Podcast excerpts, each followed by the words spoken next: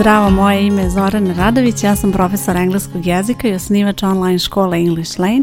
Ovo što slušaš je English Lane podcast i ovo je treća epizoda u serijalu u kojoj pričamo o razgovoru za posao na engleskom jeziku i kako da se pripremiš za taj razgovor. Ukoliko je ovo prva epizoda koju sada čuješ, predlažem ti da se vratiš i da preslušaš prve dve epizode.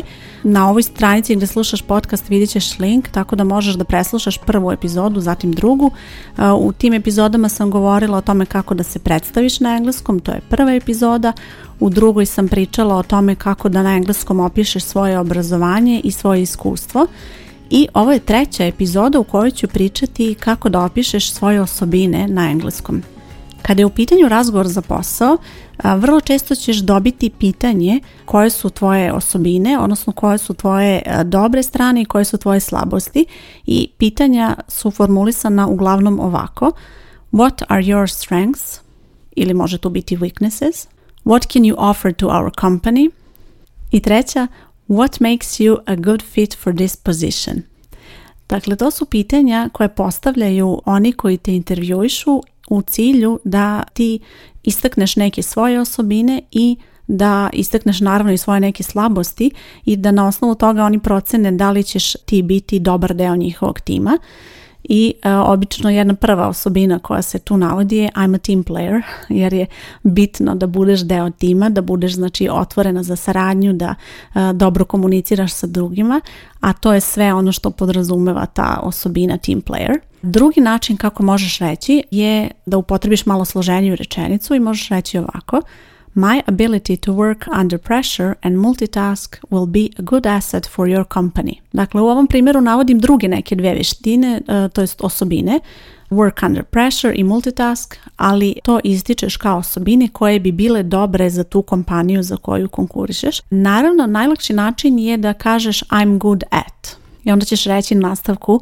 u čemu si dobra. Dakle, I'm good at znači dobra sam u i onda ćeš navesti neke e, stvari koje znaš da su relevantne za tu e, firmu za koju konkurišeš. I'm good at working with other people ili working under pressure, e, working on a tight deadline i tako dalje. To su sve neki primjeri. A slično nešto što možeš reći vezano baš za istu temu je I have experience in pa ćeš onda opet isto reći I have experience in working under pressure, dakle imaš iskustvo da radiš na neki određeni način i tu je bitno da istakneš nešto što znaš da će njima biti važno. Recimo ako pogledaš oglas za posao na koji si se prijavila, oni obično tamo istaknu veštine koje su njima važne i ovo je prilika gdje ti možeš da se bukvalno povežeš sa njima, to je da istakneš te osobine koje su njima važne, a imaš ih i ti. Sljedeće što možeš da kažeš je da opišeš svoje osobine tako što ćeš upotrebiti neki pridev ili imenicu i vrlo jednostavno je dodati posle glagola to be, znači I'm, pa ćeš dodati neku osobinu koja je naravno njima bitna za taj razgovor. I'm a team player, I'm punctual, I'm a problem solver, I'm responsible, I'm diligent, I'm organized, to su sve neki primjeri šta ti možeš reći za sebe i to je jedan deo kako možeš opisati svoje osobine. A, vrlo je bitno da kad kažeš te osobine da navedeš nešto gdje ćeš ti ilustrovati tu osobinu. Dakle, ako imaš nešto što se nadovezuje na to što želiš da kažeš, bilo bi dobro da i to pripremiš sad u okviru ovog dela. I sad ću ti dati primjer kako to izgleda. I'm a punctual person – i always arrive early and complete my work on time. U ovom primjeru ti opisuješ sebe kao tačnu osobu i kroz nastavak ove rečenice ti opisuješ dakle da si ti osoba koja e, stiže na vreme, to jest da si tačna u smislu da poštuješ vreme i da e, možeš da uradiš posao u vremenskom roku u kom je to predviđeno i to je osobina koju želiš da istakneš i svaku od osobina koju navedeš ti možeš ovako detaljnije razraditi i to je još i dobra stvar zato što ako samo navodiš osobine bukvalno može zvučati kao da čitaš njihov oglas onako i da diktiraš te neke osobine već je e, vrlo bitno da detaljno kažeš malo nešto o toj osobini i ne samo što ističeš svoje osobine nego kroz, taj, e, kroz te rečenice ti ilustruješ koliko dobro poznaješ engleski jezik. Navešću ti još dva primjera za e, opisivanje osobine. I'm a team player. I feel comfortable working with other members of the team. It's much easier to achieve our goals if we work together and if we communicate well. Ovo je opet malo jedna složenija rečenica, ali opisuješ i sama značaj timskog rada i na taj način ističeš da ovo jeste vrlo bitna osobina. Ono što je bitno da zapamtiš kod ovog primjera je e, izgovor reći comfortable, to je jedna od reči kod koje se često greši, iako ima ovaj e, u nastavku table, ne čita se table, comfortable, tako se čita ta reč. I sljedeći primjer, I'm responsible. In my previous job, I've managed several international marketing campaigns opet navodiš prvo osobinu, a zatim neko relevantno iskustvo koje ilustruje. Znači ako neko upravlja nekim internacionalnim kampanjama, to verovatno ilustruje osobu koja je odgovorna i to je je poveren taj odgovoran posao. Sljedeći deo intervjua je nešto što e, je vrlo važno da pripremiš. Mnogi to ne pripreme, ali je vrlo bitno, a to je what are your weaknesses, dakle koje su tvoje slabosti. To pitanje moraš da očekuješ na razgovoru i nemoj da prosto misliš da ćeš moći da kažeš da nemaš, jer svi imaju slabosti. Dakle, bitno je da navedeš nešto i da naučiš nekoliko rečenica koje bi mogla da kažeš u toj situaciji, da se ne bi zbunila pa da ne ispadne i da je engleski jedna od tvojih slabosti. Dakle, počet ćeš ovako. I'm not good at. Kada si pričala o dobrim osobinama, rekla si I'm good at, da si dobra u nečemu, a sada će biti odrično I'm not good at nisam dobra u, pa ćeš navesti nešto. I'm not good at working under pressure, na primjer, ako ne radiš dobro pod pritiskom. Drugi način kako možeš reći gotovo istu stvar, I have trouble working under pressure, znači na drugi način malo rečeno, ali zapravo isti smisao. Sljedeće što možeš reći u ovoj situaciji kada želiš da opišeš neku svoju slabost, It takes me too much time to complete some tasks because I'm detail oriented and I want to double check everything.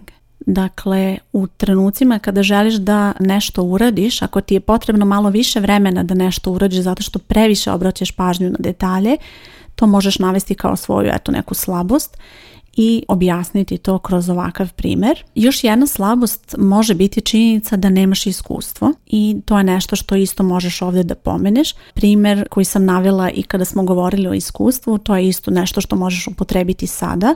While I may not have enough experience, I'm a fast learner. Ili možeš dodati na kraju I'm ready to learn. I'm eager to learn. To su sve neke stvari gdje ti opisuješ da iako je slabost, to što nemaš iskustvo, ipak imaš pozitivne osobine koje će ti pomoći da prevaziđeš tu slabost, dakle da želiš da učiš i da si spremna da učiš. Još jedan primjer ukoliko želiš da opišeš neku slabost je I don't feel comfortable speaking in public.